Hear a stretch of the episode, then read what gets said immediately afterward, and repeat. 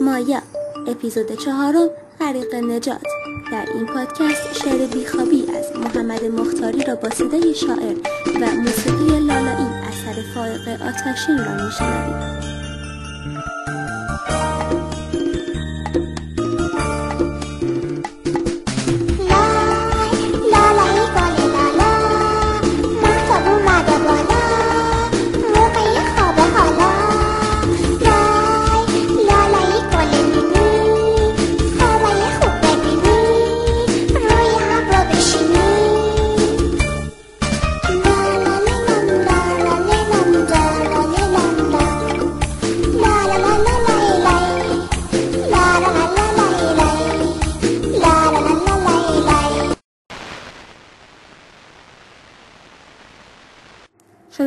پیتر توی فیلم گاردینز آف دی گلکسی که حتی اگه از زمین بدوستنم کاستایی که مامان برام میگرفت همیشه با همه.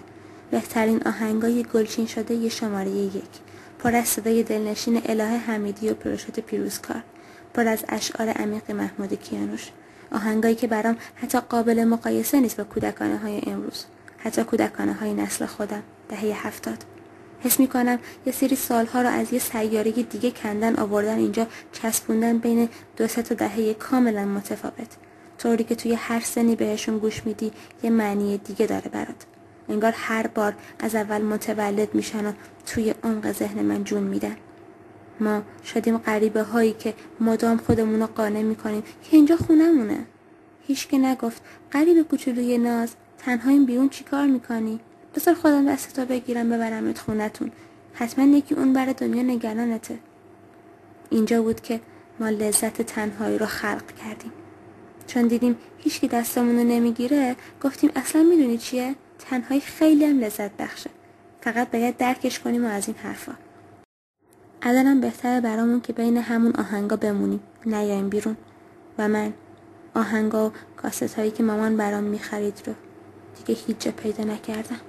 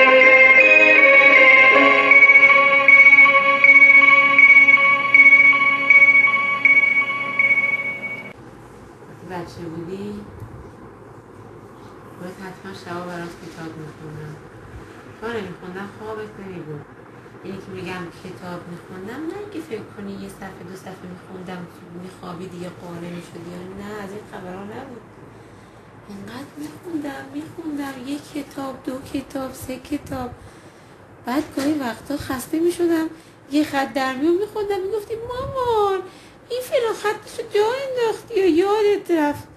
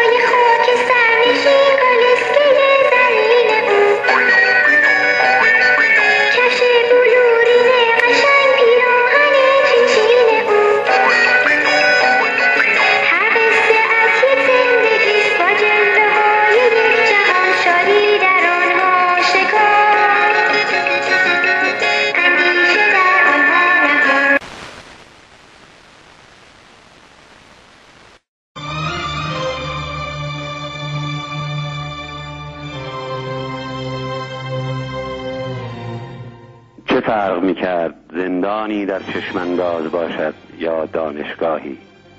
اگر که رؤیا تنها احتلامی بود بازیگوشانه تشنج پوستم را که می شنوم سوزن سوزن که می شود کف پا علامت این است که چیزی خراب می شود. دمی که یک کلمه هم زیادی است. درخت و سنگ و سار و سنگ سار و دار سایه دستی است که میپندارد دنیا را باید از چیزهایی پاک کرد. چقدر باید در این دو متر جامان تا تحلیل جسم حد زبان را رعایت کند؟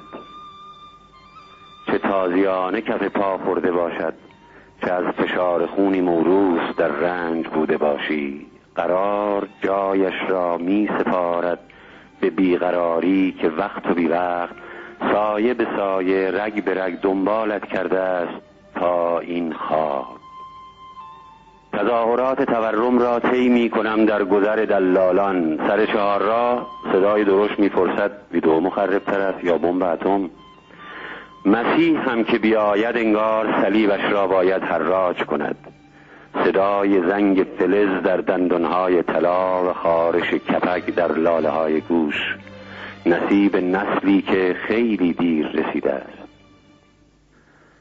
نه سینما و نه مهمانی در تاریخ. حجوم کاشفانی با تأخیر و حضور. هزار کس می آیند و هزار کس می روند و هیچ کس هیچ کس را به خاطر نمی آورد. صدا همون که می شنوی نیست. سگ از سکوت به وجد می آید و دوز بر سر بام بلند سما می کند با ماه. زبان عزیزتر از تکنون یا دهان. که سنگ راه دهان را هزار بار تمرین کرده است صدا که می شکند حرف که چرک می کند جمله ها که نقطه چین می شوند پیری یا بچه‌ای که خود را می کشد تازه معنا روشن می شود سگی که می افتاد در نمکزار و این نمک که خود افتاده است خلاف رأی الالباب نیست که ماه رنگ عوض کرده باشد یا شب مثل آزادی زنگ زند گش سفید جای سرت را نشان می دهد که چند سالی انگار در اینجا می نشسته ای و رد انکارت افتاده است بر دیوار یا شاید نقشی مونده است از تسلیمت گذاری اصلا ناتمام و تازه این بیتابی که هیچ چیز آرامش نمی کند در التهاب درهایی که باز می شوند و درهایی که بسته می شوند کتابهایی که باز می شوند و درسهایی که بسته می شوند و درسهایی که سنگها را می پرانند و سارهایی که از درختها می پرند درختهایی که دار می شوند دهانهایی که کج می شوند زبانهایی که لالمانی می گیرند صدای گنگ و چشمنداز گنگ و خواب گنگ و هم همه که می انبوهد می ترکد رؤیا که تکه تکه می پراکند دانشگاهی که حل می شود در زندانی و چشمندازی که از هم می پاشد.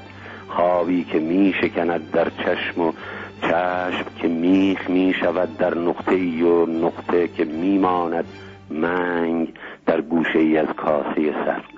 که همچنان قلب می خورد. قلب می خورد.